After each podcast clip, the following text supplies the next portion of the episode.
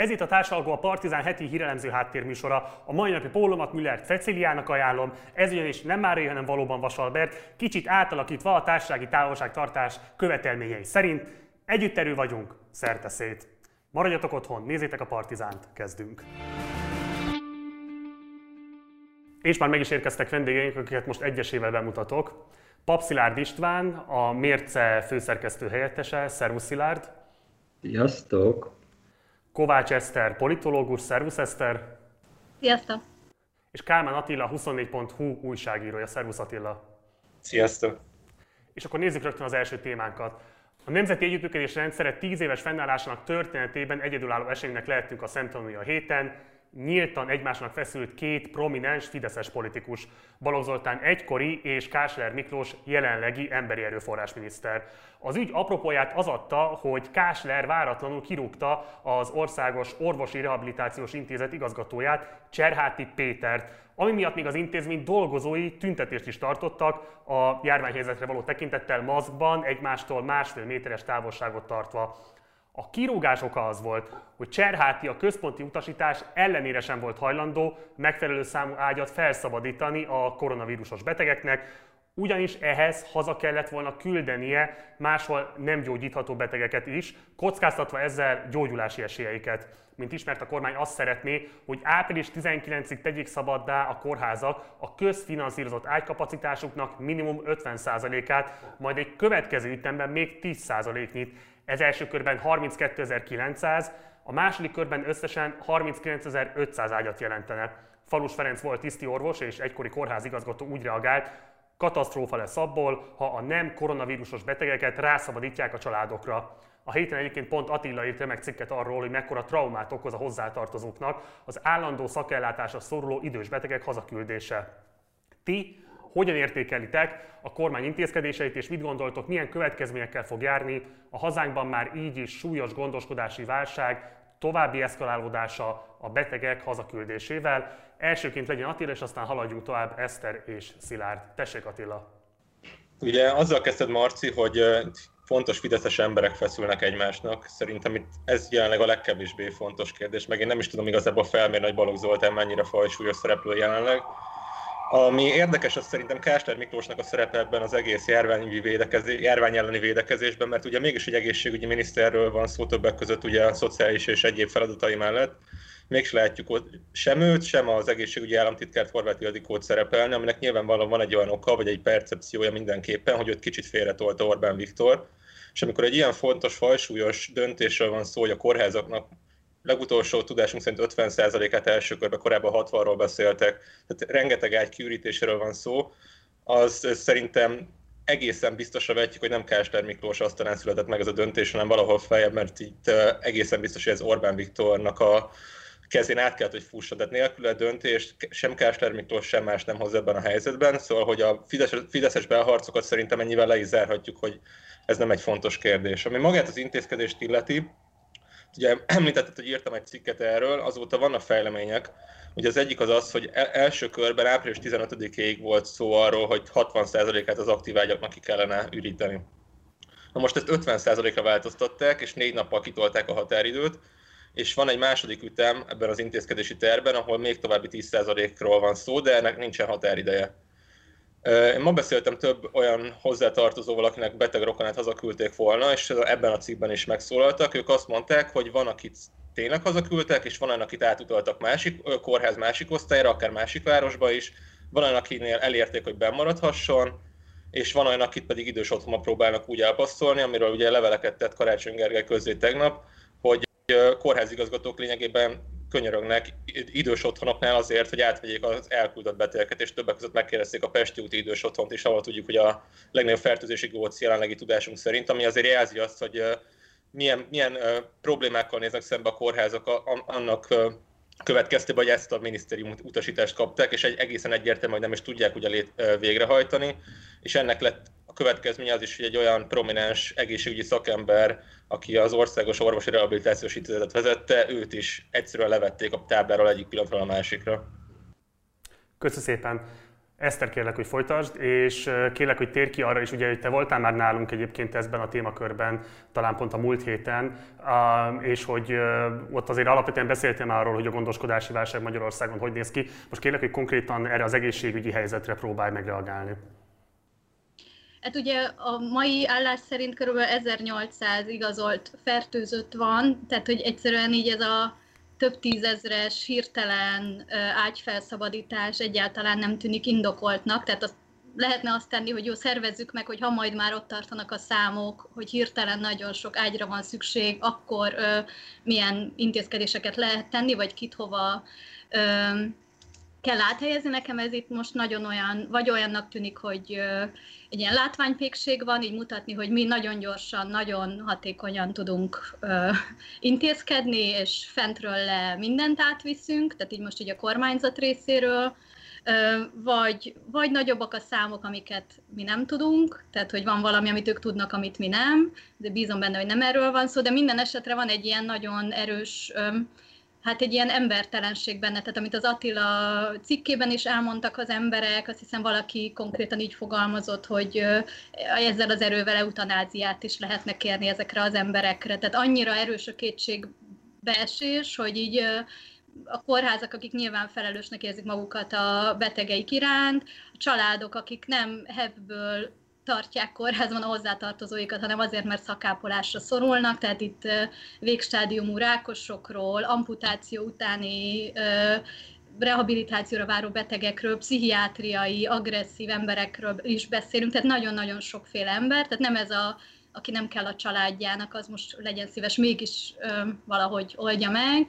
Tehát, hogy ilyen helyzetbe hozni a családokat, ez egyértelműen ö, ilyen hát végig gondolatlan, vagy egyenesen embertelen dolog, és pont annak fényében, amit, amiről a múlt heti műsorodban is beszéltem, hogy a, a gondoskodásra úgy tekint ez a kormányzat is, a magyar kormányzat ezzel nem egyedülálló Európában sem, hogy ez így a, ez egy, a gondoskodás, ez egy feneketlen hordó, az otthon, otthon mindent meg lehet oldani, csak egy kicsit akarni kell. Tehát, hogy így, mintha így idő, szaktudás, mentális lehetőségek, tehát minden adott volna, csak hát egy kicsit úgy erőlködni kell, és ugye az, amit most a, a tiszti főorvos asszony is mondta, hogy hát így a családok igyekezzenek, meg vegyék ki a részüket, tehát ha az ember elolvas ezekből a történetekből néhányat, akkor látta, hogy itt nem a szeretet, vagy az erő, vagy a, az erőfeszítés hiányzik, hanem vagy maguk is már idősek, tehát a 93 évest hazaküldeni a 73 éveshez, vagy a, az idős szülőt a rákbeteg lányához, vagy a, akik másfél szobás lakásban laknak, és a Vik stádiumú rákos fiát, stb. stb. Tehát elképesztő történetek.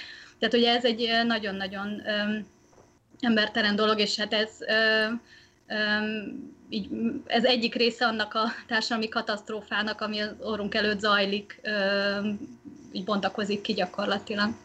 Ez egy, szépen. egy dolgot szeretnék hozzáfűzni csak, hogy ezt nem említetted Eszter, de hogy nagyon érdekes, hogy összesen egyetlen egy férfi írt nekünk, és több mint 20 nő. Tehát, hogy itt, itt van egy ilyen társadalmi különbség is, amit ugye az Eszter is többször írt róla, hogy van egy, van egy erős nemi különbség a között, hogy a gondoskodásból ki mennyire veszi ki a részét, és most ebben a hirtelen helyzetben is úgy néz ki, hogy a nők vállára sokkal nagyobb súly nehezedik. A másik, amit pedig Eszter említett, és azt tényleg csak gyorsan a számokkal tisztában legyünk, hogy mit jelent ez a 30x ezer ágynak a kiürítése. Itt ugye arról, arról írtak szakértők, meg orvosok is arról beszéltek, hogy a, azt nézve, hogy hány ember kerül be koronavírusos fertőzöttként kórházban, mert olyan súlyos az állapota, abból arra következtethetünk, hogy kb. ötszörözni kell a felszabadított kórházi ágyak számát az összes fertőzöttel. Tehát egy 160-180 ezer fertőzöttel kalkulál a kormány, miközben most ugye 1500 környéke járunk, ha jól emlékszem. És ez még csak annyit tennék hozzá, hogy Olaszországban, ahol ugye egyik gócpont, ott 3200 kórházi kezelésre szorult beteg van jelenleg, Spanyolországban 7300, és a 330 milliós usa pedig 13400. Köszi. Szilárd? 6000 képest mondom. Igen, azt hiszem én is ezzel kezdtem volna, hogy ugye igazából meg se tudjuk teljes mértékben ítélni ennek az egész intézkedésnek a, a szükségességét vagy indokoltságát pont amiatt, mert hogy tesztelések hiánya, meg az, az egész ilyen átláthatatlanság ebben a, ebben a folyamatban. Ö, Szóval, hogy innen nézve nagyon nehéz ezt így megállapítani, de még hogyha elfogadjuk is, hogy egyébként ez így egy, egy, egy, egy teljesen indokolt, indokolt intézkedés, akkor is felmerül a kérdés, hogy egyrészt a, ez az egész fűnyíró elv, hogy így régiók, megyék és így tovább között ilyen összehangoltság, vagy, vagy figyelembe venni azt, hogy egyébként hogy alakulnak jelenleg a, a, a, regionális eloszlás ennek a, a, a járvány terjedésének az már az egy másik kérdés, hogy indokolt-e. Én amióta egyébként bejelentették ezt, a, ezt az intézkedést, az volt egy figyelem, hogy, hogy mondjuk a világ más részein, más országokban mit csinálnak ez ügyben, kimondottan kórházi ágyak felszabadításával kapcsolatban. És ez csak azért is, mert hogy igazából szinte nem lehet találni olyan országot, ahol, ahol tényleg az lenne az el, eljárás, hogy kirakunk embereket, aztán a családok oldják meg ha van hozzátartozó rokon, és így tovább, ha nincs, és ja, pont a, tényleg az Attila cikkében voltak olyanok is, ahol ugye külföldön élő családtag, egyébként mindenki más ugyanolyan uh, idős, uh, uh, szintén maga is uh, uh, valamilyen fajta gondoskodásra szoruló ember. És akkor itt vannak azért, vannak azért különböző mechanizmusok, tehát mit tudom én, például Ausztráliában vagy, vagy Görögországban is, mondjuk a, a, a szabad ágyakat, azok a, vagy hát beszervezték a, a, a magánkórházakat, és akkor mondjuk pont azokat az embereket, akik egyébként állandó ö, ö, szakértői vagy, vagy, vagy szakember gondoskodására szorulnak, de egyébként nincsenek életveszélybe, őket kiszervezik ezeknek a magánkórházakhoz. Most függetlenül attól, hogy jó vagy rossz döntés, főleg a Görögországban azért a, a jobboldali kormány ez dupla akkora fejkótát fizet a magánkórházaknak, mint amennyit eredetileg fizetett a, az, állam, az állami ellátásban, de hogy mindegy, szóval, hogy ez, ez, ez egy megoldás. Akkor az Egyesült Királyságban például, amikor bejelentették, hogy kiürítenek, és ott is körülbelül ilyen 30 ezer ágyról van szó, egy sokkal nagyobb ország esetében, ott meg kimondottan 1,6 milliárd fontnyi plusz forrásokat adtak az önkormányzatoknak, hogy a szociális ellátást, tehát a szociális gondozást ebből felturbozzák. Új gondozókat vegyenek fel, az infrastruktúrát fejleszték, pont azért, hogy ezek az emberek, akik hazakerülnek, legyen valami fajta infrastruktúra, állami segítség.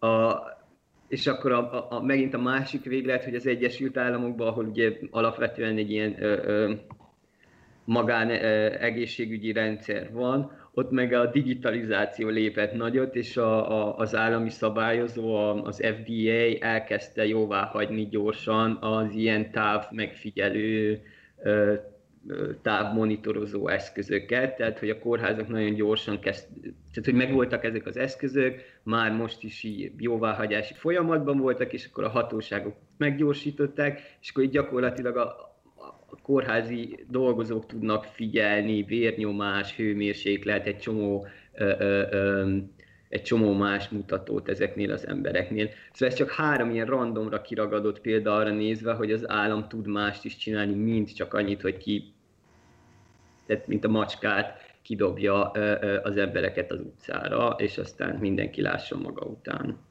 Ugye az Attila által idézett számok azok a, abból a Lantos Gabriel által írt cikkből származnak, ami ma reggel jelent meg a 24.hu-n. Ugye ő maga ír arról ebben a cikkében, hogy ezek a, ez a nagyságrende a kapacitásoknak teljességgel indokolatlan, és hogy ez a fajta túlfújása az ügynek, ez valamilyen módon ahhoz hasonlítható, mint ami a déli határon a kerítés, és hogy hasonló célokat szolgálhat Orbán Viktor számára.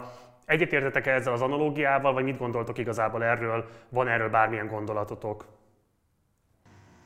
Hát nyilvánvalóan van itt egy olyan fajta politikai szándék az egész mögött, hogy Orbán Viktor lényegében egy szemében kvázi akcióhősként az élére állt a járványügyi védekezésnek. Szerintem arra mindenki emlékszik arra a pillanatra, amit a felhatalmazási törvény megszavazás előtt mondott az Orbán, hogy neki 133 bátor emberre van szüksége, akik itt ülnek a frakcióba, azt tegyük hozzá, hogy a mi hazánkban is úgy néz ki, hogy ülne egy bátor ember, aki szintén megszavazta vele együtt. Minden esetre azt mondta, hogy rájuk van szüksége, és azt üzente Tóth Bertalannak, az MSZP elnökének, aki lényegében olyan esdeklő beszédet mondott, mint szerintem nagyon régen bárki a parlamentben, hogy csak egy határidőt tegyenek bele, hogy egy, egy, platformra tudjon állni az összes párt, de ezt nem engedte a Fidesz. Nyilván azért, mert ezt az egész teret, ami a járványi védekezésről szól, azt a Fidesz és Orbán Viktor egy személyben szeretné betölteni politikai okokból, mert nyilvánvalóan ezzel egy olyan, olyan politikai tőkét lehet kovácsolni, hogyha a járványt kézben tartják, ami aztán később, hogyha nem állott mellette senki a védekezésbe, akkor kikezdhetetlen lesz. Na most ehhez hozzátartozik az, hogyha a járvány elszabadul bármilyen formájában, akkor ott vagy egy, vagy egy bűnbakot kell keresni, lásd Karácsony Gergely és a főváros idős otthonok ügye, vagy pedig kézben tartja tényleg, és akkor pedig azt, hogy a statisztikák jók legyenek. Na most, hogyha olyan információ van a birtokában, hogy a, a járvány jelenleg elterjedtebb, mint az a hivatalos számokból kiderült, és egyébként ezt a tisztifőorvostól is tudjuk, az országos tisztifőorvostól, hogy nyilvánvalóan sokkal több a fertőzött, mint ahányan megjelennek a rendszerben regisztrált fertőzöttként, akkor ez magyarázhatja azt, hogy a kórházakat ilyen szinten felszabadítják, és és arra, arra számítanak, hogy nagyon sok beteg fog hirtelen bekerülni. De ismét hozzátenném azt, hogy amiket számokat idéztem, látjuk, hogy sokkal nagyobb, sokkal nagyobb lakosságú országban sem szabadítottak föl ennyi ágyat, szóval nem igazán értem, hogy az intézkedés mögött mi, milyen döntéselőkészítő anyag, számítások, modellek vannak, mert gyanús, hogy nincsenek ilyenek. Akartok reagálni, Eszter Szilárd, vagy menjünk tovább az idős otthonok kérdésével? Nem, még röviden, csak annyi, hogy az ö, nyilvánvalóan látszik, hogy ő egyszerre akarja Orbán Viktor, meg a kormány egyszerre akarja megnyerni a vírus elleni küzdelmet, és politikailag győztesen kikerülni, és ez néha ö, egymással szembe kerülhet, vagy hát bízhatnak abban pont, amit az Attila mondott, hogyha valami probléma kerül a rendszerbe, akkor beindítják a kommunikációs gépezetet, és valamelyik bűnbakotra rá indítják a, a médiájukat, tehát akár Karácsony Gergely, akár az, hogy a, a, az irániak hozták be a vírust, és ők tehetnek az egészről, tehát hogy vagy ilyen bejáratot, vagy ö, új ellenségeket ö, találnak hozzá. Ez azért elég törékeny, tehát én azt gondolom, hogy ez a válság azért nekik is új helyzet, és hát, hogy nem lehet teljesen mindig szembe menni a valósággal, tehát, hogy onnantól, hogy napokig téma volt a szegedi rektor esete, aki az Itá- oroszországi vagy ausztriai nyaralásából hozta haza a vírust, és két hétig úgy operált teljesen felelőtlenül, hogy nem gondolt arra, hogy esetleg ő fertőzött. Tehát, hogy ez azért így az emberekhez is eljutott, nehéz akkor másokra kenni. Tehát, hogy azért ez, ez nem biztos, hogy a végtelenségig működik, hogy hát, ha ügyesek vagyunk, akkor mi vigyük el a dicsőséget, ha meg nem vagyunk ügyesek, akkor meg majd úgyis rákenjük másra. Szilárd? Mm, szerintem mehetünk tovább, nem. Komoly kommunikációs hadviselésbe kezdett a kormány Karácsony Gergely ellen a Pesti úti idősek otthonában kialakult vírushelyzet miatt.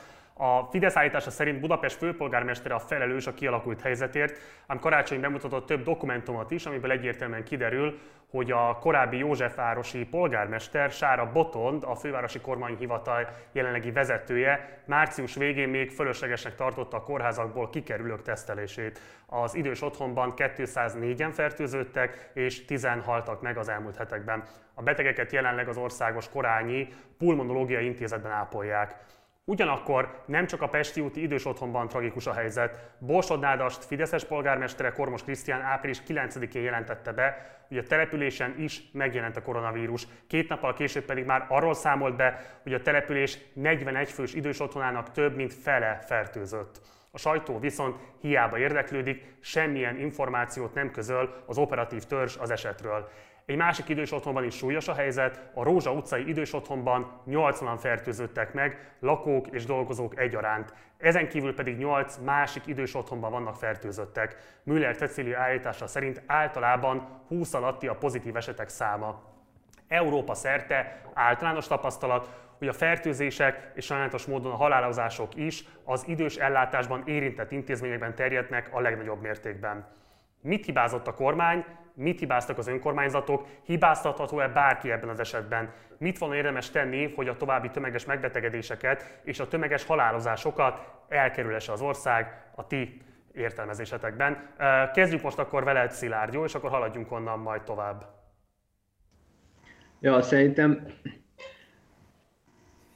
ez az egész, szóval, hogy ez az egész idős otthonokkal kapcsolatos ö, ö, történet, ez ez a NER kormányzási módjának egy ilyen állatorvosi lova, szóval, hogy így benne van minden, ami így az elmúlt években láttuk, és így összeérnek szépen, és így felturbozzák egymást kölcsönösen. Tehát, hogy benne van az, hogy, hogy hogy mi, hogy mi a szerepe az önkormányzatoknak. Ugye folyamatosan gyengítették el az önkormányzatokat, ürítették ki, és akkor, ahogy egyébként Szűcs Zoltán Gábor politológus írta ki Facebookra még márciusban, hogy, hogy nagyon vicces, hogy válsághelyzetben a NER egyik abszurd tulajdonság, hogy válsághelyzetben mindig az első dolog, hogy visszabontja saját magát. És akkor ugyanezt csinálták, hogy így beütött ez a koronavírus, és akkor elkezdték visszabontani, hogy így kiutaltak önkormányzatoknak különböző feladatokat. Persze pénzt hozzá nem adtak, csak egy csomó, egy csomó feladatot, tehát jogkörök nem maradtak, pénz nem maradt, viszont feladat maradt. És mondjuk... Több lett, ezt, ugye? Több feladat lett. Tessék? hogy több feladat lett, nem csak, hogy maradtak a feladatok, hanem több feladatuk lett. Több feladat, igen, tehát hogy, hogy több feladat lett, és hogy így egyébként beszélgetve több Budapesten kívüli önkormányzatnál dolgozó emberrel is, az így lejön, hogy egyébként most pártállástól függetlenül, tehát sok Fideszes önkormányzatnál is, nagyjából az önkormányzatok vágják, hogy mi történik helyben, tudják, mik az igények, tudják, mit kell csinálni, és van egy viszonylag kompetens gárda, akik tudnak dolgokat csinálni. És akkor ehhez képest a, a, a, a központi kormányzati szint, a kormányhivatalok, azok így full olyan kéréseket továbbítanak az önkormányzatok felé, amik így, amik így nincs értelme, és egy csomó, egy csomó ilyen ö, ö, abszurd dolog jön ki ebből a dologból. És hogy ez egyébként frusztrálja a, a, a fideszes önkormányzatok egy részét, és ugye nem beszélnek erről, a Cserparkovics, a székesfehérvári polgármester néha így nyilatkozik valami ilyen félig kritikusat, de ugye szerintem egyébként a felhatalmazási törvénynek pont ez volt a lényege, nem annyira az, hogy, hogy tovább, tovább fejlesz a diktatúrát, hanem pont az a lényeg, hogy így kiveszi a hatalmat, tehát hogy még, még zsarolási potenciál sem marad sem a Fidesz helyi embereiben, sem a, a, a, az országgyűlési képviselőkben, tehát hogy, hogy valójában az az eset, amit mondjuk a Rényi Pál Dániel a 444-en megírt, hogy a Harag, Harag Péter KDNP frakcióvezető az ellenzék oldalára állhat iskola bezárások ügyében, na pont azt a lehetőséget veszi ki most azzal, hogy a rendeleti kormányzás az így konkrétan nem kell meghosszabbítani se, tehát hogy nem függ Orbán a saját embereitől sem. Úgyhogy igazából ennyi a helyi önkormányzatokkal. A, a, szerintem a, a másik persze az a, az a szociális ellátórendszer állapota, tehát az, hogy az is megint nem egy olyan dolog, ami így most történt. Pont a tegnap volt a, a Kassai Dánielnek, a 18 kerületi ö, ö, képviselőnek egy Facebook posztja erről, szóval nem tudom, hogyha, ö, hogyha jobban ismeritek ezt a helyzetet, de hogy hogy elbeszélgetett 30 idős otthon vezetővel, és hát így botrányos, amiket, amiket mondtak, de hogy így sok intézménynek nincs egészségügyi működési engedélye, mert nincs pénz rá, és nincs szakember.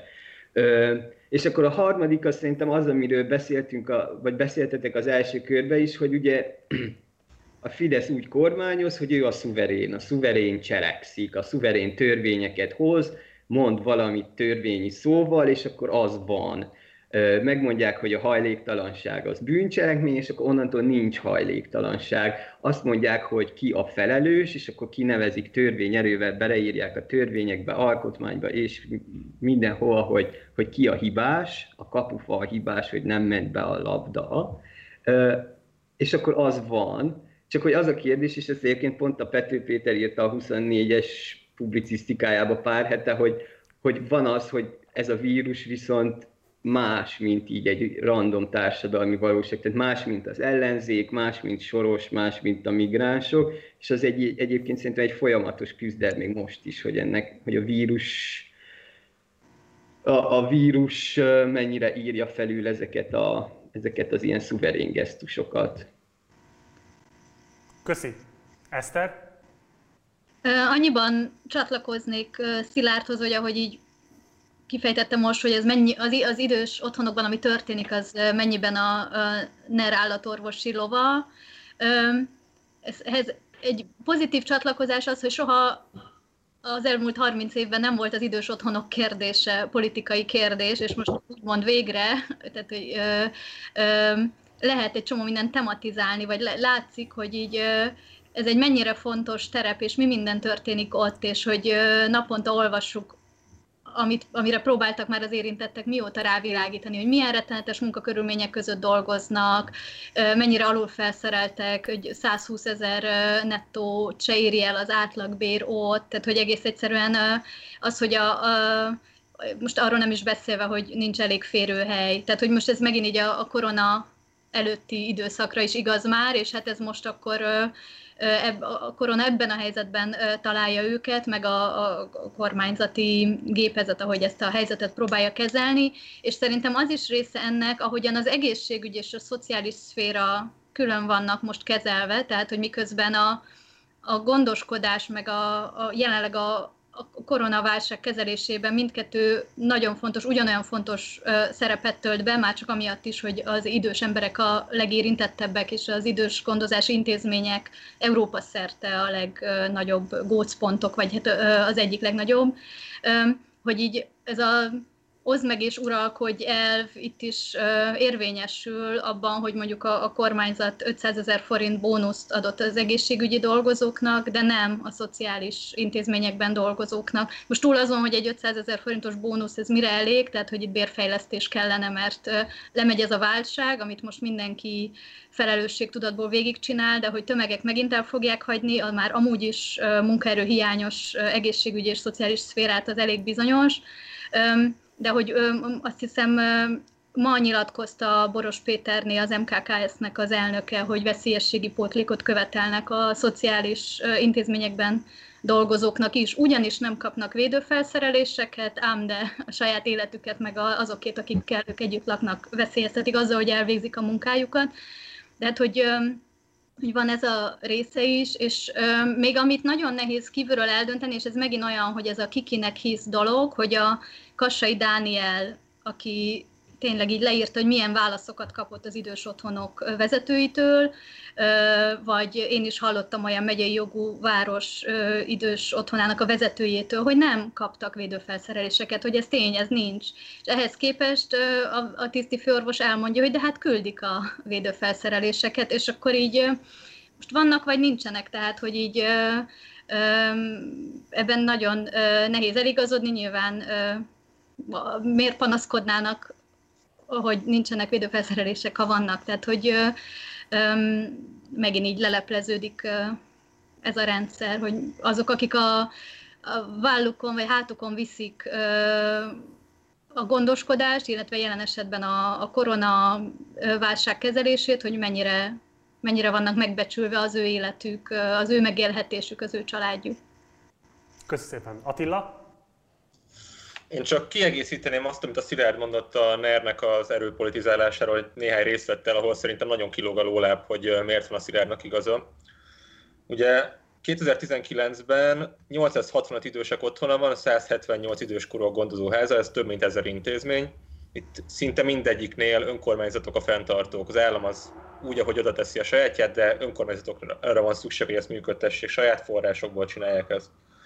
Na most ezekben az idősek, idősek otthonában látjuk, látjuk mindenfelé, hogy nagyon sok a fertőzött, tehát különösen figyelni kellene rá. Ehhez képest az önkormányzatok nem kaptak plusz forrásokat, a kormányhivataloktól, akiknek el kell őket látni védőfelszereléssel, speciál a Pesti úton, azután adtak először védőmaszkot, hogy már elszállították onnan a fertőzötteket, és tudták, hogy, hogy a vírus már ott van bent.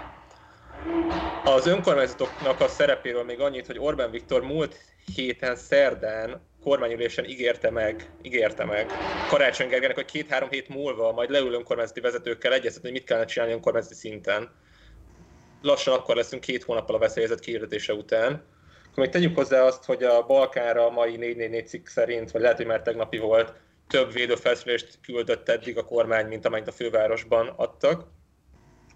És emlékezzünk még arra, amikor Müller Cecilia elment a Pesti útra, és meglepődött, hogy miért ilyen kevés a személyzet, és miért nem küldenek át máshonnan személyzetet, és mondták neki a filmon, hogy hát máshol sincs ember. Tehát, hogy itt látunk egy erősen forráshiányos önkormányzati és szociális szektort, egy minden felelősséget magáról letoló kormányzati szektort, és azt is látjuk emellé, hogy ilyen helyzetben, amikor probléma van, akkor hirtelen, mint a forró krumpli dobja el magára a kormány a felelősséget, és azokra tolja ezt, akiknek nem ad semmifajta plusz finanszírozást arra, hogy fenntartsa ezt az egyébként haldokló, tetsz halott állapotban levő rendszert, és akkor még ehhez jönnek hozzá olyan finomságok, mint ami egy napig élt ez a törvénymódosítás, az önkormányzatok szerepét azt úgy csökkentenék le, hogy ezekben a védelmi bizottságokban döntenek, majd tehát még ezt a kevés mozgásteret is elvették volna, és még gépjárműadó, parkolási díj, hmm. helyi adó, tehát itt csőd közeli önkormányzatok lesznek év végére, akik, hogyha nem kapnak kormányzati segítséget, akkor a, fenn, a alapvető működésüket nem tudják finanszírozni, és most várják el azt tőlük, hogy egy ilyen veszélyhelyzetben ö, olyan forrásokat szabadítsanak fel, nem rendelkeznek, és nem is kapják meg. Köszi. Bárki akar reagálni esetleg? Akkor menjünk tovább egyébként, hogyha már a felelősség magukról történő letolása fölmerült itt témaként. Ugye tegnap volt az, hogy Gulyás Gergely bejelentette, hogy május 4-én megtartják az érettségiket, csak írásbeli vizsgák lesznek, a diákok egymástól távol helyezkednek majd el a tantermekben, és egy-egy tanteremben 10 főnél többen nem tartózkodhatnak. Az intézkedés már most számos kritika érte, a pedagógusok demokratikus szakszervezete egyenesen az érettségi bolykotjára szólította fel a tanártársadalmat. Azt biztosan tudjuk, hogy az érintettekkel semmilyen egyeztetés nem történt, nem előzte meg semmilyen egyeztetés az intézkedés bejelentését. Mit gondoltok az érettségi ilyen formában és ilyen körülmények között történő megtartásáról? Mi erről a véleményetek? És kezdjük most veled, Eszter. Jó, hát az, hogy az érintettekkel nem egyeztetnek, ez nagyjából az előző hét, heteknek az összes intézkedésére vonatkozott, tehát hogy egyszer csak így bejelentenek valamit, és akkor az, akiket érint, az viselje a következményeit, vagy végezze el, tehát legyen ez a, az egészségügy, legyen ez a kulturális dolgozók a, és a közalkalmazotti jogállásuk, stb. Tehát, hogy szerintem ez a legsúlyosabb az egészben, és ez a, megint a NER működéséről ö, mond el valamit, tehát hogy a tanároknak igenis van erről véleménye, a pedagógusok, ö, mind, mindegyik pedagógus szakszervezet megszólal, magyar tanárok egylete, történelem tanárok egylete, tehát hogy, hogy nyilvánvalóan van a szakmának álláspontja. Annyiból is szerintem ilyen, megint ilyen a felelősség eltolása, hogy ugye az be lett jelentve, hogy hát megtartjuk az érettségiket, de aki nem, tehát senki nincs kötelezve, nyugodtan lehet őszre halasztani, de ez megint egy ilyen egyénre hárítás, hogy te dönthetsz úgy, csak ugye akkor szeptemberben nem tudod elkezdeni, vagy össze, vagy ha egyáltalán elindulnak az egyetemek, ö, ö, miből fognak megélni azok, akik most egy évet csúsznak, eleve mindenkinek csúszik akkor az élete egy évet, tehát hogy, hogy ez ilyen egyénre van tolva, hogy old meg.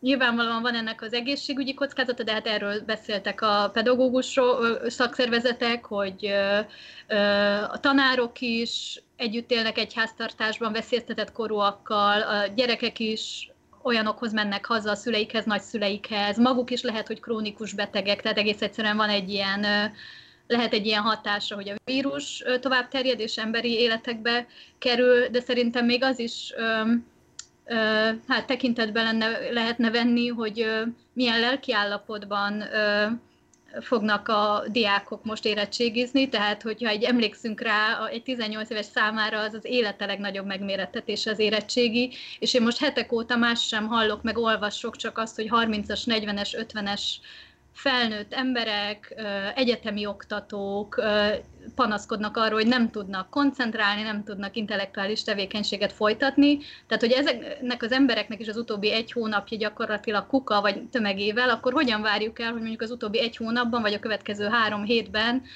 erre a nagy megmérettetésre úgy fognak felkészülni a 18 éves diákok, mintha ö, mi se történt volna. Tehát, hogy, ö, és nyilván van ezzel a, azt hiszem még megy az agyalás, hogy lejjebb vigyék a ponthatárokat, stb. Tehát lehet ezzel játszani, csak hogy szerintem itt ö, nem csak az egészségügyi kockázat része van, hanem az, az is, hogy ö, ö, milyen ö, mentális állapotban kell most nekifutniuk a diákoknak, tehát az, hogy mondjuk június végéig, vagy pár hónappal el lehetett volna ezt halasztani, és akkor az egyetemi indítást is el lehetett volna halasztani, stb.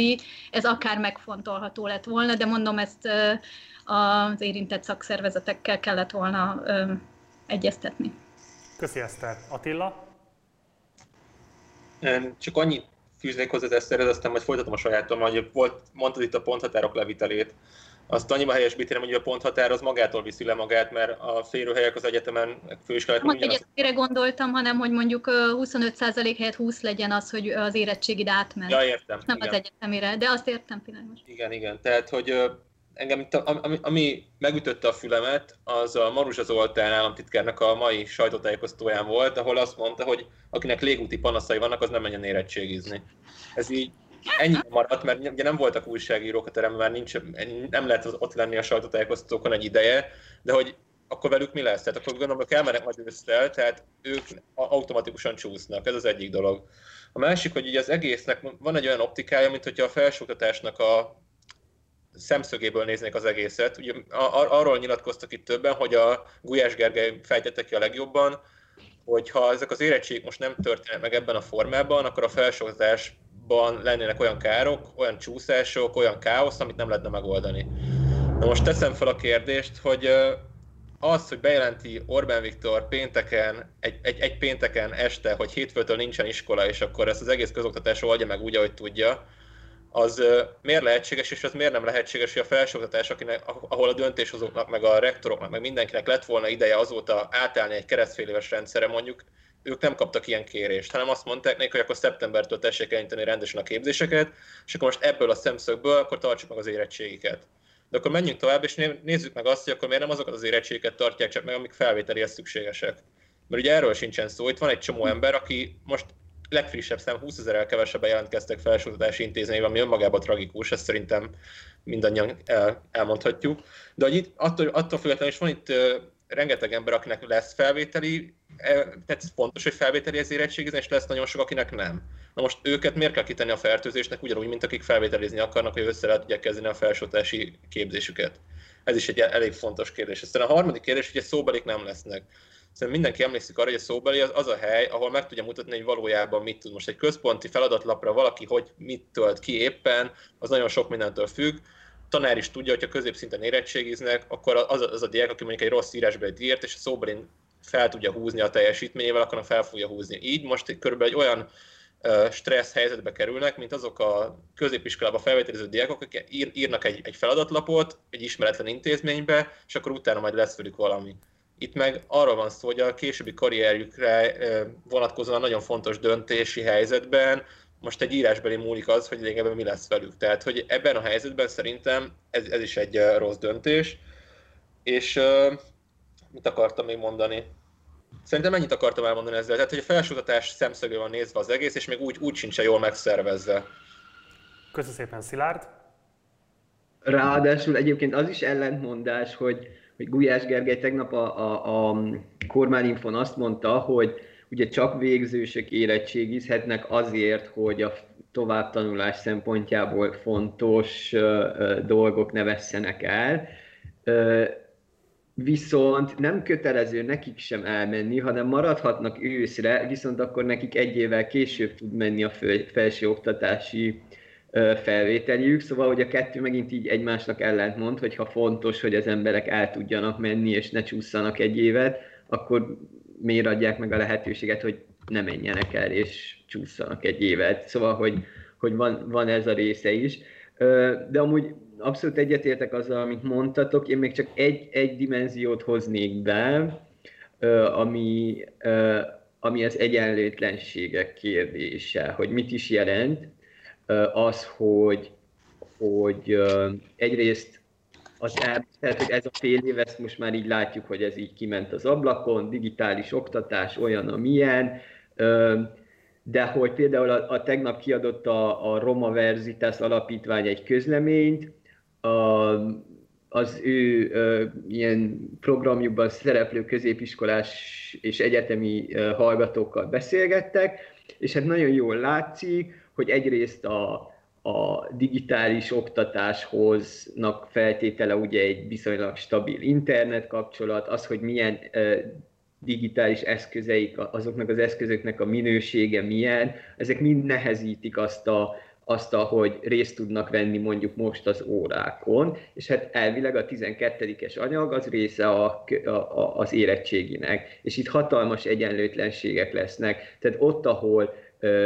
hatan élnek egy szobában, vagy két szobában, és éppen mindenki, mivel idénymunka és, és uh, viszonylag bizonytalan munkakörülmények miatt ők vesztik el először a munkahelyüket is, és akkor ülnek otthon hatan egy, egy, egy szobába, és akkor még ehhez hozzáadódnak a különböző technikai nehézségek, szóval, hogy az ad egyfajta hátrányt és pont azoknak az embereknek már ugye a kollégiumokból hazaküldték az embereket, tehát hogy ezek mind ilyen egyenlőtlenségeket okoznak. Egyébként mondjuk, és most ez nem egy ilyen bezzeg románozás, mert hogy egy, ott is nagyon rossz helyzet, vagy hogy rosszul kezeli a kormány sok mindent, de az például még nem világos, hogy mikor lesz pontosan az érettségi, mert alapból tovább tart a tanév, és júliusban szokott lenni az érettségi, szóval még nem annyira sürgős a, a kérdés, de az már biztos, hogy a második fél évi tananyag sem a nyolcadikosok, sem a tizenkettedikesek számára nem lesz benne az érettségi, illetve a, a, az általános iskola végi ö, ö, záróvizsgákban. Tehát, hogy ez például egy olyan dolog, amit, amit tényleg egy rendelettel meg lehetne oldani. Igen, talán, talán ez, ez, ezt, ezt, ezt mondanám még így pluszba, hogy itt, itt, itt komoly egyenlőtlenségek lesznek, amik aztán a, a felvételikbe is meg fognak mutatkozni, mert ugye itt valójában államilag finanszírozott helyekre fognak emberek felvételizni az érettségi által, és az államilag finanszírozott helyeknek pont az a, célja, hogy a hátrányosabb helyzetű, szegényebb, de egyébként tehetséges, okos gyerekek is felsőoktatáshoz jussanak, és akkor pont az a hátrány, amit most a digitális oktatással összeszednek, és ez az egész stressz érettségi, meg minden rájukra, szóval, hogy, hogy pont ezt a célt fogja ö, ö, tönkretenni, ami mondjuk így a Fidesz oktatáspolitikája szempontjából nem meglepő, csak azért a jegyzőkönyv kedvéért érdemes így leírni. Bárkiben még esetleg valami gondolat rakadt? Jó. És akkor menjünk tovább a válságkezelés vonalán. Ugye Naomi Klein Sok Doktrina című kötetében, amit még 2007-ben írt, de pár éveként magyarul is olvasható, átfogóan vizsgálta az úgynevezett katasztrófa kapitalizmus jelenségét. Az általa elemzett akkori esetek alapján írta le azt a jelenséget, hogy egy katasztrófa társadalmi kataklizma idején a különböző kormányok hogyan használják ki a rendkívüli helyzetet annak érdekében, hogy a hatalmukat kiterjesszék, a gazdasági érdekeiket bevédjék, és így végső soron a társadalmi többség kárára pörgessék tovább a pénzügyi kizsákmányolást. Az elméleti keret riasztóan jól passzol a jelenlegi magyar helyzethez. A felhatalmazási törvényel a kormány vég nélkül felhatalmazást kapott, de ami ennél sokkal fontosabb, hogy az elmúlt két hétben a munkavállalói garanciákat, a felsőoktatás finanszírozását drámaian megvágta, illetve átalakította ahogy a Mérce ezzel, fogó cikkének, ezzel foglalkozó cikkének címe fogalmazott, Orbán nagypénteki ajándéka, egy oldalon rendelhetnek el két éves munkaidő keretet a cégek. Emellett a kulturális dolgozók közalkalmazotti státuszát, státuszát megszüntetik, ezzel 20 ezer ember állását és megélhetését veszélyeztetve. Ahogy ez utóbbiról Fekete Péter kulturális államtitkár fogalmazott, azokra a könyvtárosokra, akik nem csinálnak semmit, azokra nem lesz majd szükség. Hogy látjátok a kormányzatnak ezeket a lépéseit? Mennyiben helytálló az a megállapítás, hogy a válság kezelése mellett, vagy éppenséggel helyett elsősorban a hatalmi gazdasági érdekeik bebiztosításához szükséges változások bevezetésére használják a jelenlegi helyzetet, és akkor kérlek Szilárd, hogy kezd most te. Szóval én nem gondolom, hogy itt sok doktrína történik, itt csak egy ilyen egy fokozattal, egy sebességgel feljebb kapcsolják ugyanazt, amit az elmúlt tíz évben csináltak. Szóval, hogy én nem érzek különösebb szakítás, vagy szakadást, hanem ö, ö, ö, annak az ilyen ö, felgyorsítása, de az sem egy ilyen különösebben sokszerű felgyorsítása. Ö, ugye, és ennek nem csak azok a jelei vannak, amiket felsoroltál, hanem ott van ez az egész ö, ö, ö, szociális támogatások, segélyek kérdése. Ugye pont tegnap volt utoljára megint a, a, a Gulyás Gergely így kifejtette magasan, hogy hát, vagy kifejtette szofisztikáltan, hogy hát valójában már láttuk, hogy hová vezet a segélyezés, és ez egy gazdaságfilozófiai kérdés, és hogy a kormány nem fog engedni annak, hogy segélyezés legyen, mert láttuk, hogy Gyurcsányék idejében volt segélyezés, és mi lett a vége. Mint hogyha a segélyezés lett, lett volna a probléma a 2008-9-es gazdasági válságban, vagy a 2006 utáni politikai válságban, mindegy, szóval, hogy, hogy, hogy látszik ebben a kérdésben ö, ö, ö, látszik abban, tehát hogy ugye miről szól a NER? A NER az valójában egy ilyen ö, ö, két lábon álló projekt, kétféle tőke érdeket próbál kiszolgálni, egyrészt a multinacionális tőkét, másrészt ezt a, mit hazai tőkés osztálynak hívnak, ez ugye a narancsoligarchia más néven. És ezt a kettőt szolgálják ki, és ugye ennek általában van, tehát hogy ha valakinek kedvezel, az valakinek általában vala, terheket ró valakire, és ezeket a társadalomra terhelik, a, a magánéleti, a magán, az emberek magánéletébe, privát szférájába terhelik át, és ugyanez, volt a, ugyanez van a kórházakkal, ugyanez van a, az iskolákkal, tehát a kórházi ágykiürítésekkel, a távoktatással, a, a, a rengeteg gondoskodási dologgal, de ugyanez van az, pontosan ez a, ezek a, a munkaidőkeretek, meg minden ilyen, tehát hogy valójában minél rugalmasabbá teszik a, a, a, a törvénykezést, minél nagyobb teret adnak annak, hogy a cégek rendelkezhessenek a saját érdekeik szerint a munkavállalók idejével, aztán a többit oldják meg ők. Szóval igazából ez, ez történik, ennek a folytatása, ebben nincsen változás, és szerintem a, egyébként a, tegnap egy picit hallgattam a, a közmédiában a figyelőnek a, az egyik szakértőjét, aki megszakértette, hogy miért a legcsodálatosabb a magyar gazdasági csomag, ami ugye a legszűk markúbb egész Európában, de talán a világon is az egyik leg, legszűk markúbb rendszer, és akkor ez az ember persze megmondta, hogy ez tökéletes és szuper, és azért tökéletes és szuper, mert hogy egyébként helyre fognak, hogy Magyarország egy nagyon kitett, exportorientált gazdaság, és helyre fognak állni a fő partner, kereskedelmi partnereink, tehát az Európai Unió fő államai helyre fognak hamar állni, és akkor automatikusan mi is helyreállunk. Szóval valójában ezt játsza a kormány, hogy nem történik semmi, majd úgyis Németországban helyreáll a, a, a, a fogyasztás, akkor majd újra kellenek azok a cikkek, amik, amiket itt összeszerelünk, újra meg tudják venni, és addig is nem baj, hogyha az emberek elszegényednek, hiszen legalább kevesebbére el fognak menni utána dolgozni. Szóval, hogy egy ilyen viszonylag egyszerű gazdasági művelet zajlik itt, amiben, amiben egyébként sajnos van logika az, hogy bejönne nekik, vagy nem, az egy dolog, hogy morálisan helyese, vagy nem, az egy másik dolog, de hogy logika az azért van benne. Köszönöm szépen, Szilárd. És akkor most ugorjunk egyet, és folytassuk Attilával, és utána térjünk rád vissza, Eszter. Jó. Megnyitottam közben Kasnyik Mártonnak a G7-en megjelent cikkét tegnapról, aminek a címe szerintem mindent elmond erről a helyzetre, helyzetről, az az, hogy a kormány megmenthette volna a gazdaságot, de úgy döntött, hogy inkább nem. És itt csak erősíteni tudom a Szilárdat, hogy valóban szerintem itt van egy ilyen logika benne, hogy itt az olcsó munkaerő megtartása miatt, tehát hogy az, az, az hogy tényleg itt a, ezekben a értékláncban harmadik, negyedik beszállító helyen levő autógyárakba visszamenjenek az emberek dolgozni, erre most kaptak egy sanszot az élettől, mert ugye tavaly már az volt a téma, hogy az NFS nem adja ki a külföldi munkavállalóknak a statisztikáit, mert annyira sok a vendégmunkás, akkor a munkaerőhiány van az országban, hogy nem tudják már megoldani, nem tudják betölteni azt a helyet a globális gazdaságban, amit eddig betöltöttek. Most, hogyha tényleg egy ilyen ördögi játék zajlik, akkor ez, ez abszolút, abszolút alátámasztja azt, amit a Szilárd elmondott, hogy erre rájátszanak.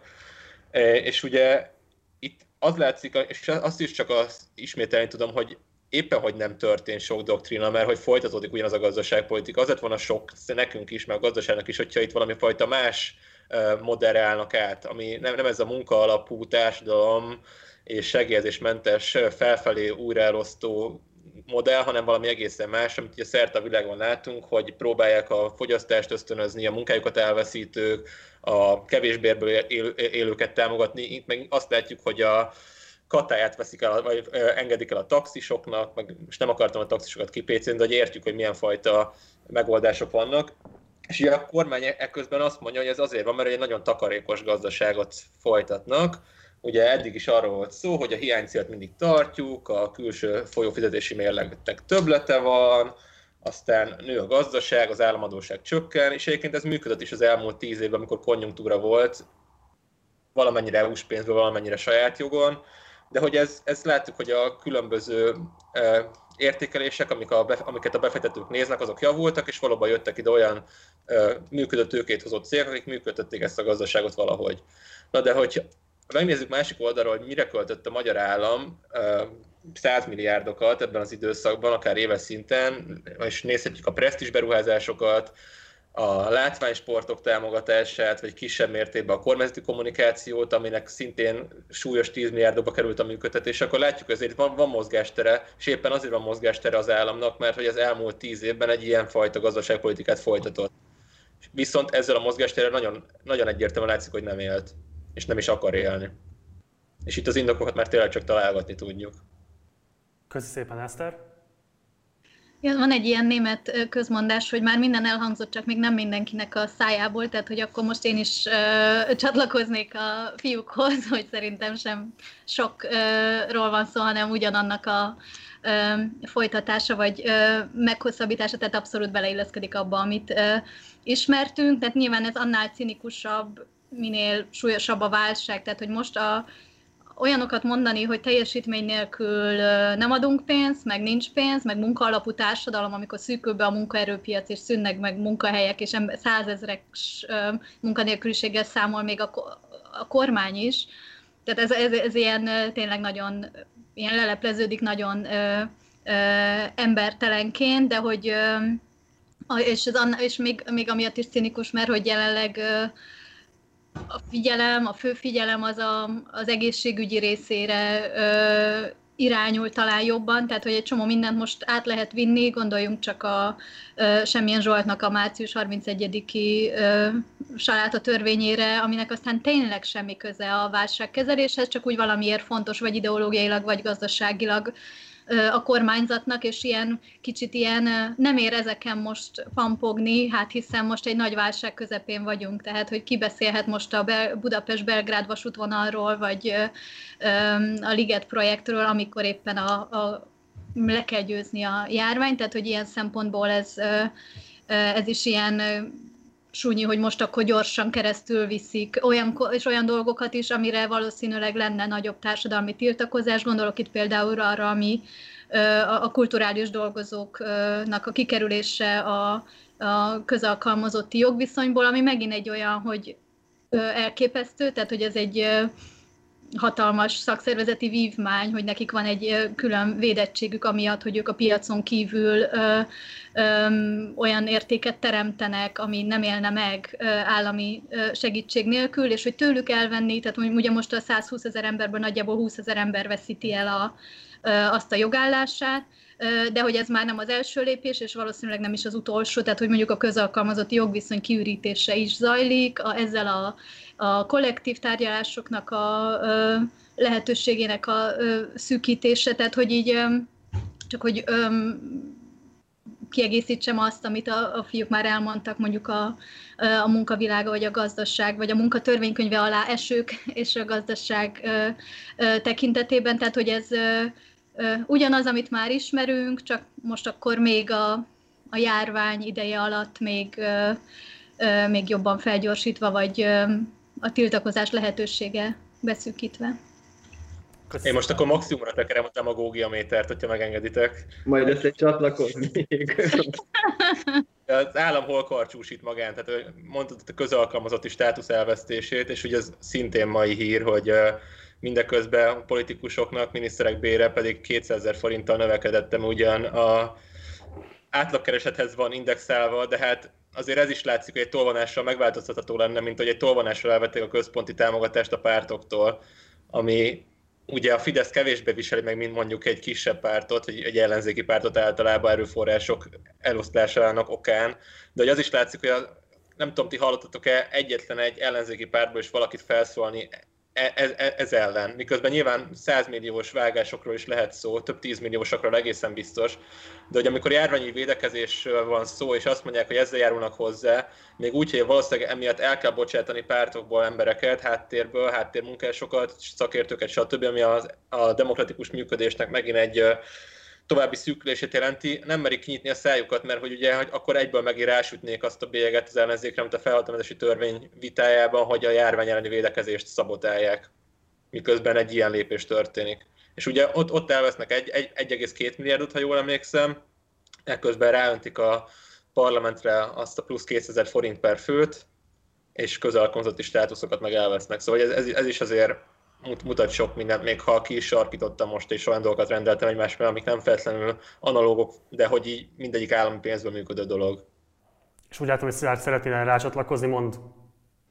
Igen, igazából a, azt hiszem a demagógia verseny első helyezettjét azt így átengedem neked, de hogy, hogy, hogy azt hogy szerintem tényleg tök fontos látni, hogy, hogy mire megy pénz, mert hogy, hogy egyébként a legmasszívabb összeg, vagy az, a legkézzelfoghatóbb dolog, amit így a gazdasági, gazdaságvédelmi csomagban is bejelentetted, és most pontosan nem számoltam utána, de egy, kb. egy ilyen 1000 milliárd forintnyi ö, támogatási összeg, a, a, a kiemelt ö, ö, ágazatok megsegítésére. És itt vannak olyan ágazatok, mint a turizmus például, ami tényleg szenved, de vannak olyan ágazatok, mint az egészségipar, amiről épp a Marci pár hetet te csináltál ö, ö, műsort a Tiborc és az egészségipar kapcsolatairól, hogy tehát az egészségipar vagy a logisztika, szóval olyan területek, ahol Mészáros Lőrinc kamion parkolói.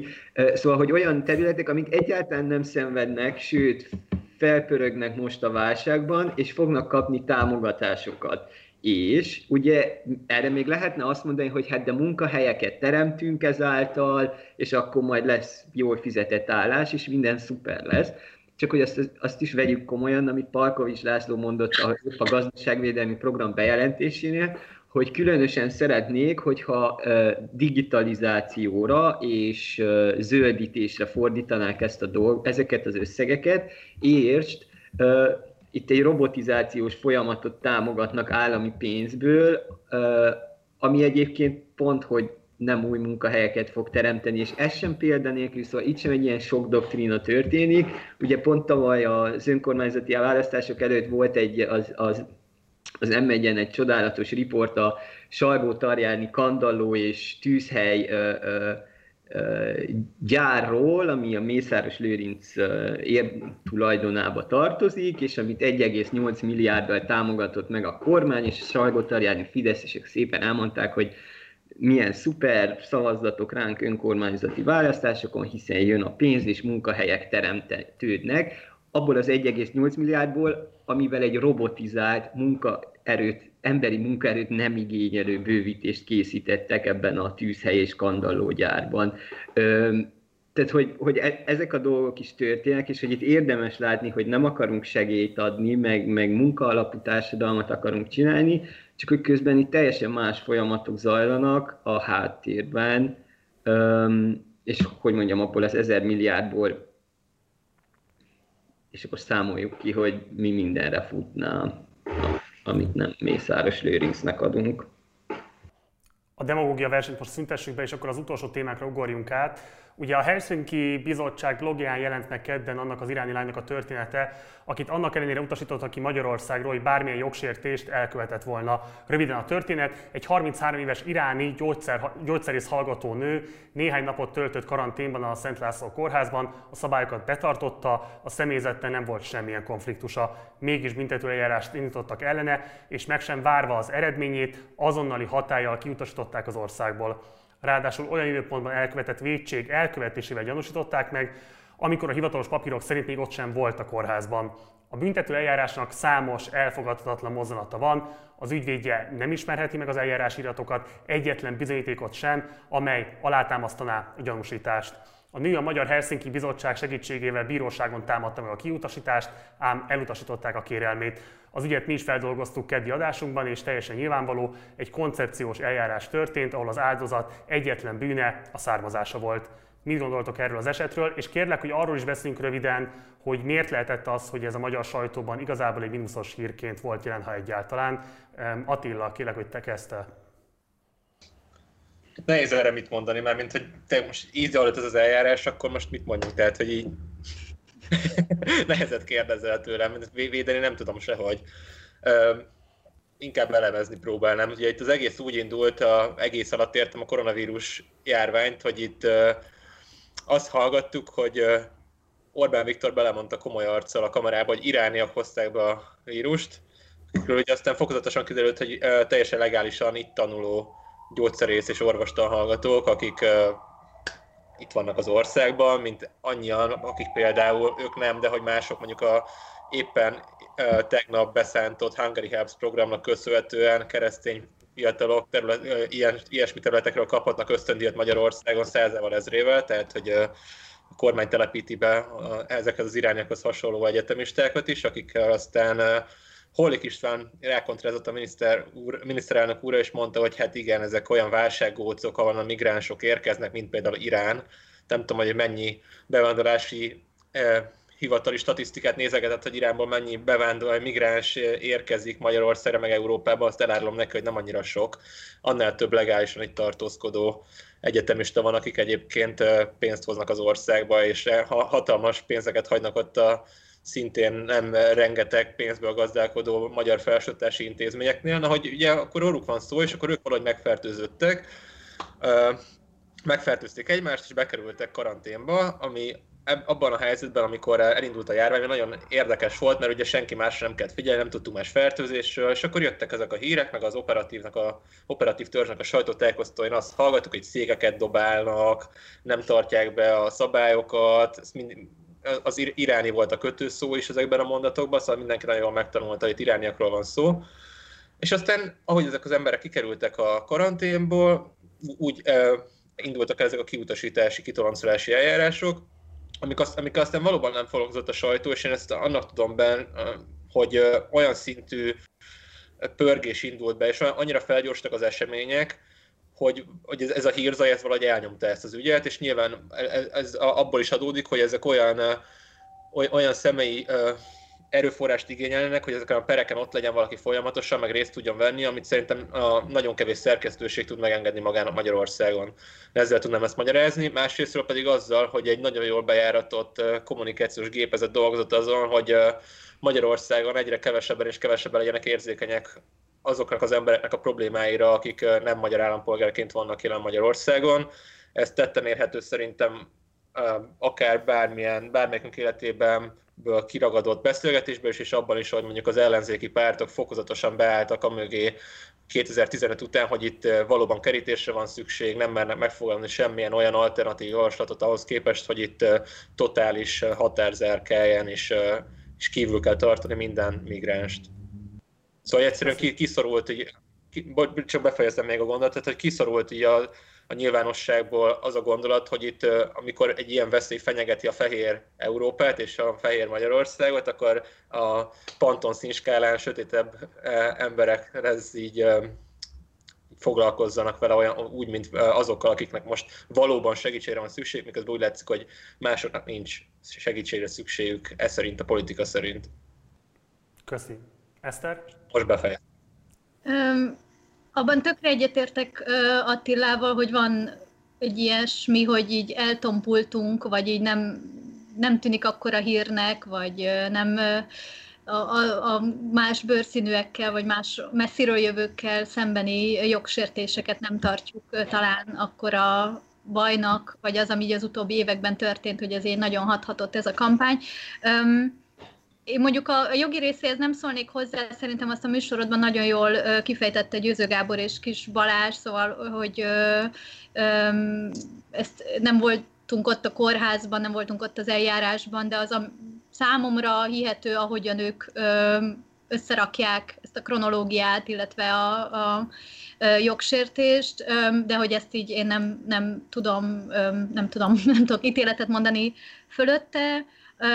Ami számomra ebből még így talán érdekes, amire az elején is utaltam már, hogy hol van a határa a bűnbakképzésnek, tehát hogy ugye amikor elindult Magyarországon a járvány, és irániak voltak az első betegek, akkor azonnal beindult a gépezet, hogy azt kommunikálják, hogy az irániak hozzák be, de azért ez elég hamar hogy mondjam, nem működhetett, amikor kiderült, hogy egyszerűen párhuzamosan többen is behozták a vírust. Tehát, hogy így az ausztriai és az olasz nyaralók, sí, sí nyaralók, síelésből hazajövők ugyanúgy behozták, meg más, tehát hogy egyszerűen egymástól függetlenül jelent meg az, az ország különböző pontján, nem mindetük terjesztették el, tehát nem lehetett már erre fogni, tehát hogy mondjuk én értem, hogy a kormányzat mindenre migránsozni kezd, ahol lehet, de hogy szerintem talán emiatt is um, halt el ez, um, vagy hogy talán nem megy um, tovább, mert hogy ez egyszerűen így valahol beleütközik embereknek a valóság érzékelésébe, uh, és uh, igen. Köszi, Eszter. Szilárd?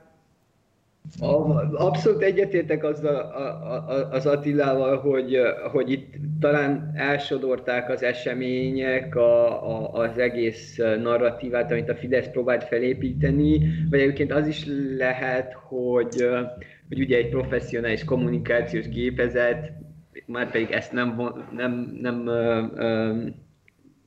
nem, nem vonhatjuk kétségbe, Szóval ők mindig szeretnek egyszerre több vasat tartani a tűzben, amiben aztán beizítható dolgok, tehát a, nem tudom én, emlékezzünk a, az újságírók drogtesztjeire, meg hasonló kommunikációs trükkökre, amik aztán ugyanúgy elhaltak, mint ez a történet. Mm, viszont itt én még kiemelnék egy dolgot, ugye a, ami szerintem fontos, és ezt elég sokan mondták már sokszor, hogy ugye a, a, a kormány, a bátor hős Robin szeret úgy olyan ellenfelekkel harcolni, akik nem tudnak visszaszólni, vagy akik, akik nem tudnak ö, ö, beszélni. És szerintem itt történt az is, hogy, hogy ezek a diákok pont azáltal, hogy legálisan tartózkodnak az országban egyébként egyetemi hallgatók, szóval, hogy igen, megtámadták őket, vagy a kommunikációs gépezet célpontjába vették, mert külföldiek nem beszélik a nyelvet, stb. Tehát ilyen szempontból tényleg egy, egy, egy, egy kiszolgáltatottabb csoport. Viszont azért mégiscsak szociológiai értelemben egy, egy, egy jobb helyzetben vannak, mint mondjuk a tranzitzónába zárt menekültek. Tehát például volt lehetőségük elmondani a saját történetüket a, a független sajton keresztül, amit tök jó, nagyon szuper, hogy megtörténheted, csak ugye mondjuk a hermetikusan lezárt uh, tranzitzónából ez sokkal nehezebben történik meg, uh, ahol az éheztetéseknek is csak minden harmadikról tudunk, és azt is csak azért, mert a Helsinki Bizottság uh, ét nappal látéve küzd azért, hogy néha még enni is adjanak az embereknek a tranzitzónában. Szóval, hogy, hogy szerintem van ez a dolog, hogy itt azért visszatudott valamennyire szólni az áldozat, és, és az, hogy így megjelent ez a, a meg tudott jelenni párhuzamosan a, a kormányzati narratívával párhuzamosan meg tudott jelenni egy ilyen ellennarratíva is, ö, az se tette olyan túl egyszerűvé ezt a történetet szerintem. Azért ö, rajtuk nem nagyon sokat segített ö, az, hogy el tudtak jutni a sajtóhoz. Tehát ugyanúgy kilettek ö, toloncolva, és ö, hogyha Strasbourghoz fordulnak, az is 3-4-5 év. Tehát most azok, akik éveket és rengeteg pénzt beletettek abba, hogy vég, valami képzettséget szerezzenek, annak most itt vége. Tehát, hogy nem. így értem, amit, amiért mondod, hogy ők legalább nem tudom, el tudták mondani, vagy látszik egy másik narratíva azzal, ahhoz képest, amit mondjuk a tranzitzónában szorultak van, csak hogy ilyen esetben mondjuk ezeken a egyetemista hallgatókon az se segített. Igen, nem, tehát abszolút egyetértek, szóval ez egy ilyen török Gábori értelemben vett egyrészt más. Jó. Oké, okay, azt uh, soha nem cáfolnám, jó, jó. Itt most ezt be kell fejeznünk, nagyon szépen köszönöm, hogy itt voltatunk velünk, köszönöm szépen Papszilárd Istvánnak, a Mérce főszerkesztő helyettesének, köszönöm szépen Kovács Eszter politológusnak, és köszönöm szépen Kálmán Attilának, a 24.hu újságírójának, hogy velünk voltak ebben a nagyjából egy órában, és elemezték velünk az elmúlt egy hét eseményeit. Sziasztok, minden jót nektek! Sziasztok! Sziasztok!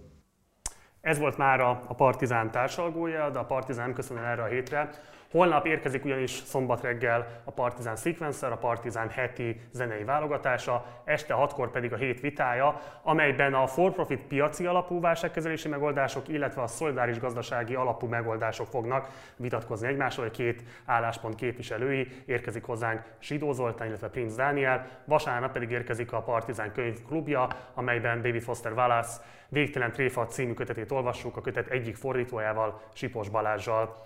Én Gulyás Márton voltam, van bármilyen kérdésetek, észrevételetek az elhangzottakkal kapcsolatban, akkor azt továbbra is itt a komment szekcióban felteltitek. Mindenképpen fejezzétek ki a véleményeteket a látottakról a like és a dislike gombok használatával, iratkozzatok fel a csatornára, kövessetek minket Facebookon, illetve csatlakozzatok Facebook csoportunkhoz, a Partizán társalgóhoz, és ha van lehetőségetek, akkor szálljatok be a finanszírozásunkba a Patreon oldalunkon keresztül, ennek a linkje szintén itt megtalálható lent a leírásban. Munkatársaim nevében köszönöm szépen a figyelmeteket, ahogy mondtam, holnap találkozunk, addig is, ciao.